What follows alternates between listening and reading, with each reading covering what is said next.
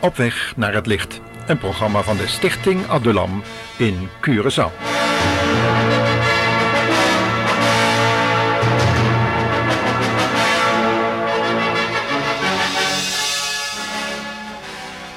Welkom luisteraar in ons programma Op weg naar het licht, waarin we deze keer met u over de bijbelse vernieuwing van ons denken willen spreken. De vernieuwing van ons denken. We lezen in Romeinen 12, vers 2 het volgende over dit onderwerp. Word niet gelijkvormig aan deze wereld, maar word veranderd door de vernieuwing van uw denken, opdat u kunt beproeven wat de goede, welbehagelijke en volmaakte wil van God is.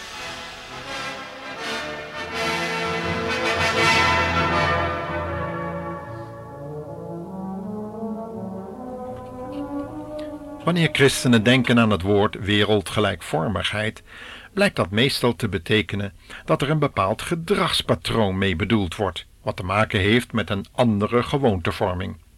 Dat houdt dan in het niet naar de kerk gaan, het niet meedoen met bepaalde vormen van ontspanning, een andere keuze van muziek en daginvulling, kortom, een ander soort cultuurpatroon, wat te maken heeft met de gedragsnormen van een bepaalde groep mensen, die zich aan elkaar aanpassen. Toch gaat de Bijbel veel dieper op die verandering in. Bekering en wedergeboorte wordt het in de Bijbel genoemd. Het gaat God erom dat zijn kinderen een verandering van denken meemaken. En dat betekent ook een totale verandering van levensstijl. Het kennen van je diepste motieven, je eigen hart dus, en het kennen van de goede, welbehagelijke en volmaakte wil van God houdt wedergeboorte allemaal in. En het ligt ten grondslag aan de verandering van dit denken. In feite heeft het met een totale overgave van de wil aan God te maken.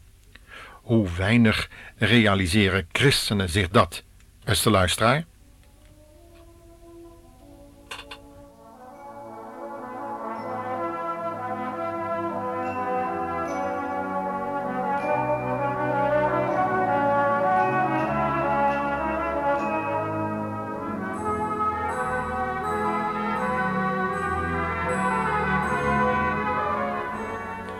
Wanneer mensen God beter leren kennen door het lezen of horen van de Bijbel, bewerkt dat meestal twee reacties: die van afwijzing of van overgave. Wanneer mensen zich aangesproken weten, omdat ze zich in het mensbeeld dat de Bijbel schetst herkennen, en zich tot God beginnen te bekeren om zijn wil te vragen, betekent dat nog niet dat het oude opvoedings- en gewenningspatroon plotseling verdwenen is. Toen het slavenvolk Israël uit Egypte bevrijd werd, werd het oude denken, dat bestond uit heidense vermenging van afgodendienst en een serie godsdienstige overleveringen van 400 jaar oude verhalen over de God van Abraham, Isaac en Jacob, stamvaders van een oud volk. Nee, dat denken was niet meteen veranderd. Er was tijd voor nodig, en regelmatig kwam het oude afgodische ik-gerichte denkpatroon weer terug, in de vorm van bepaalde boosaardige reacties. Zo is het ook met het pas beginnende christenleven, wat vaak te maken heeft met een gedachtepatroon dat terug te voeren is tot de opvoeding, waar wellicht bepaalde dingen niet gegaan zijn zoals God het in zijn woord had aangegeven. Wanneer men in de jeugd geen vertrouwen heeft gekregen, geen liefde, geen geduldige correcties in het licht van de Heilige Schrift, ontstaat er een bepaald denken- en reactiepatroon dat wantrouwen opwekt en voeding geeft. Juist bij de christen moet nu het nieuw gevormde geweten gaan werken en zal men moeten leren de situatie te beoordelen in het licht van de Bijbel en het leven van de Heer Jezus. Wanneer dat niet gebeurt, wordt men door de schrift wereldgelijkvormig genoemd, omdat het reactiepatroon voorspelbaar verloopt, zoals bij mensen die Christus niet hebben leren kennen, dus niet bekeerd en wedergeboren zijn en dus ook niet de Heilige Geest hebben ontvangen. Laten we dat eens door een praktisch voorbeeld duidelijk maken, met een citaat uit een medisch artikel geschreven door Dr. Aaron Beck, directeur van een hulpverleningscentrum voor cognitieve therapie in Pennsylvania.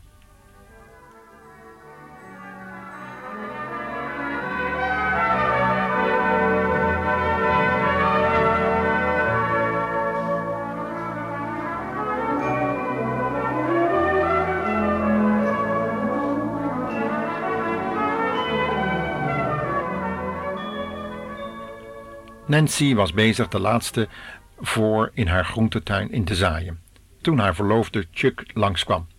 Hij bekeek haar werk en zei: Nancy, je hebt de radijsjes in de schaduw van de hogere planten gezaaid. Ze keek hem strak aan en dacht: Hij heeft weer eens geen greintje vertrouwen in mij. En terwijl ze hem toesnauwde: Ik heb jouw raad heus niet nodig. Laat mijn tuin maar aan mij over. Chuck was natuurlijk verbluft over haar vinnige reactie en zei: Ja, ja, maar ik wilde alleen maar helpen.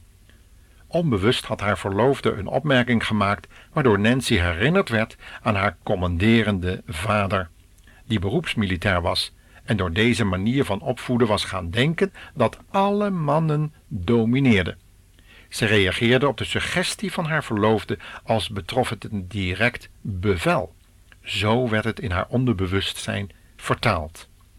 Zo was het ook met Debbie, de vrouw van Ron, die door zijn zusters altijd als kleine jongen behandeld was en uitgelachen werd als hij probeerde zijn eigen mening kenbaar te maken. Het ging om een vakantiebestemming.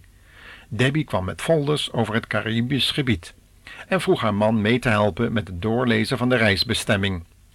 Beslis jij maar. Jij weet tenslotte meer van die dingen dan ik, zei hij.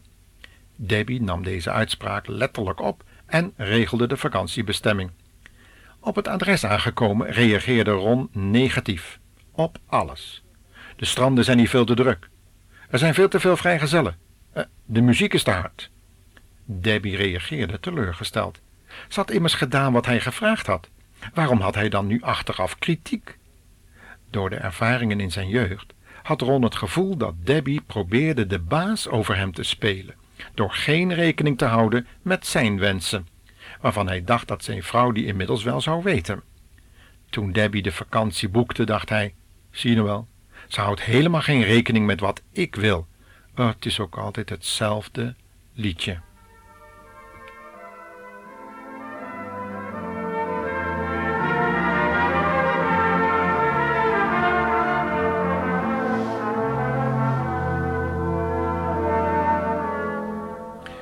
Herkent u in deze twee counselinggevallen uzelf, beste luisteraar? Ja, er is niet zoveel goeds in de mens. Dat zei Paulus al. Er is niemand die goed doet, tot niet één toe. We worden allemaal gedomineerd door onze achtergronden en opvoeding. Ja, sterker nog, door Adam en Eva. De zondeval zit ons diep in onze leden. Daarom konden we zeggen: er is geen mens die goed doet, tot niet één toe. Maar we lezen in Johannes 2, vers 24 dan ook hoe de Heer Jezus daarmee omging. Jezus zelf vertrouwde zich aan hun niet toe, omdat hij hen alle kende en omdat hij niet nodig had dat iemand van de mens getuigde, want hij wist zelf wat in de mens was. Lees het nog eens na in Johannes 2, vers 24 en 25. De twee gevallen die we illustreerden getuigen allebei van een vervormd denkpatroon dat tot een soort automatische denkreactie verworden is. Deze meestal niet onderkende gewoonte van automatisch wantrouwen van goed bedoelde, opbouwende, kritische opmerkingen heeft te maken met emoties die een rechtstreekse reactie zijn op opmerkingen en situaties die verband houden met eerder beleefde, maar niet goed verwerkte frustraties. Een christen heeft het voorrecht om deze frustraties in het licht van Gods woord onder ogen te kijken en als het ware te herwaarderen. U moet dat natuurlijk wel willen. Want degene die wil, daarvan zei de Heer Jezus, degene die willen, die zullen erkennen dat dit woord werkelijk effect heeft. Ja, dan is het ook dat we geconfronteerd worden met de verandering, de vernieuwing van ons denken. En we worden ook betrokken bij het gebed, ook de voorbeden, wanneer we bereid zijn onszelf op het altaar te leggen, onszelf in het licht van Gods woord te beoordelen en dan het oordeel over te laten aan de Heer Jezus. Zoals Paulus dat in 1 Korinthe 4 ook zegt. Hij zegt: Ik oordeel mezelf niet, dat laat ik wel aan God over. Maar ik wil mezelf wel in het licht van God plaatsen, zodat datgene openbaar komt wat niet in overeenstemming is met Gods gedachten. Informatie beïnvloedt dat gedachtenleven van ons. Daar is natuurlijk niet aan te ontkomen. Maar God heeft het verstand van een christen geopend en verlicht. Dat was ook het geval bij de discipelen, die tot een verrassing geconfronteerd werden met hun opgestane heiland en Heer Jezus Christus. In Lucas 24, vers 45 lezen we daarover. Maar voordat zij die ontmoeting kregen, was er reeds iets anders gebeurd. Hun hart was door de Heer aangeraakt en daardoor brandende geworden. Bovendien had Jezus een vervormd denkpatroon gericht op de heilige schriften, die van hem spraken en van de noodzakelijkheid van het kruis. Nu kon Jezus zichzelf wel aan hun toevertrouwen. Ja, hij kon zelfs in hen woning maken, beste luisteraar. Is dat bij u al gebeurd?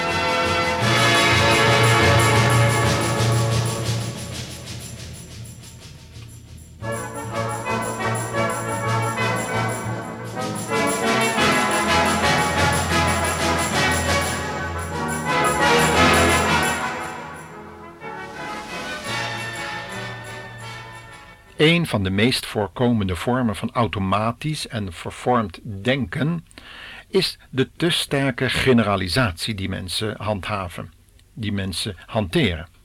Als uw partner bijvoorbeeld prikkelbaar is, kan de conclusie getrokken worden dat die ander niet meer van u houdt.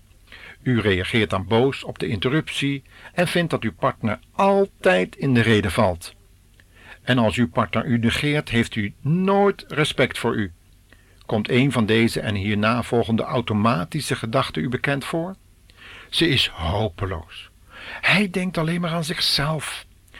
Zij laat mij nooit met rust. Hij doet ook nooit wat hij beloofd heeft. Die, hm, die is lui, heeft geen verantwoordelijkheidsgevoel. Dergelijke ongenuanceerde uitlatingen kunnen een overigens hechte relatie ondermijnen. Uiteraard leidt het onderkennen van dit soort gedachten nog niet automatisch tot een droomhuwelijk of relatie.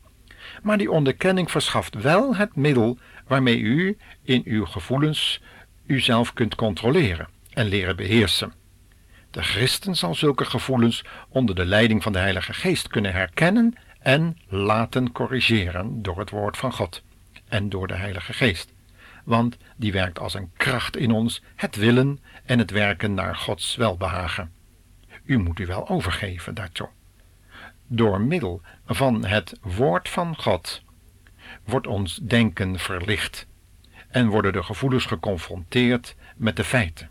Zo komen we erachter hoe krachtig het vlees of de oude natuur nog door kan werken in het nieuwe leven en leren we dat te oordelen. Dat laatste feit is een van de moeilijkste lessen voor een pas beginnend christen, omdat deze heiliging het meeste wordt aangevallen vanuit die oude natuur of het oude reactiepatroon en het vervormde denken van onze opvoeding.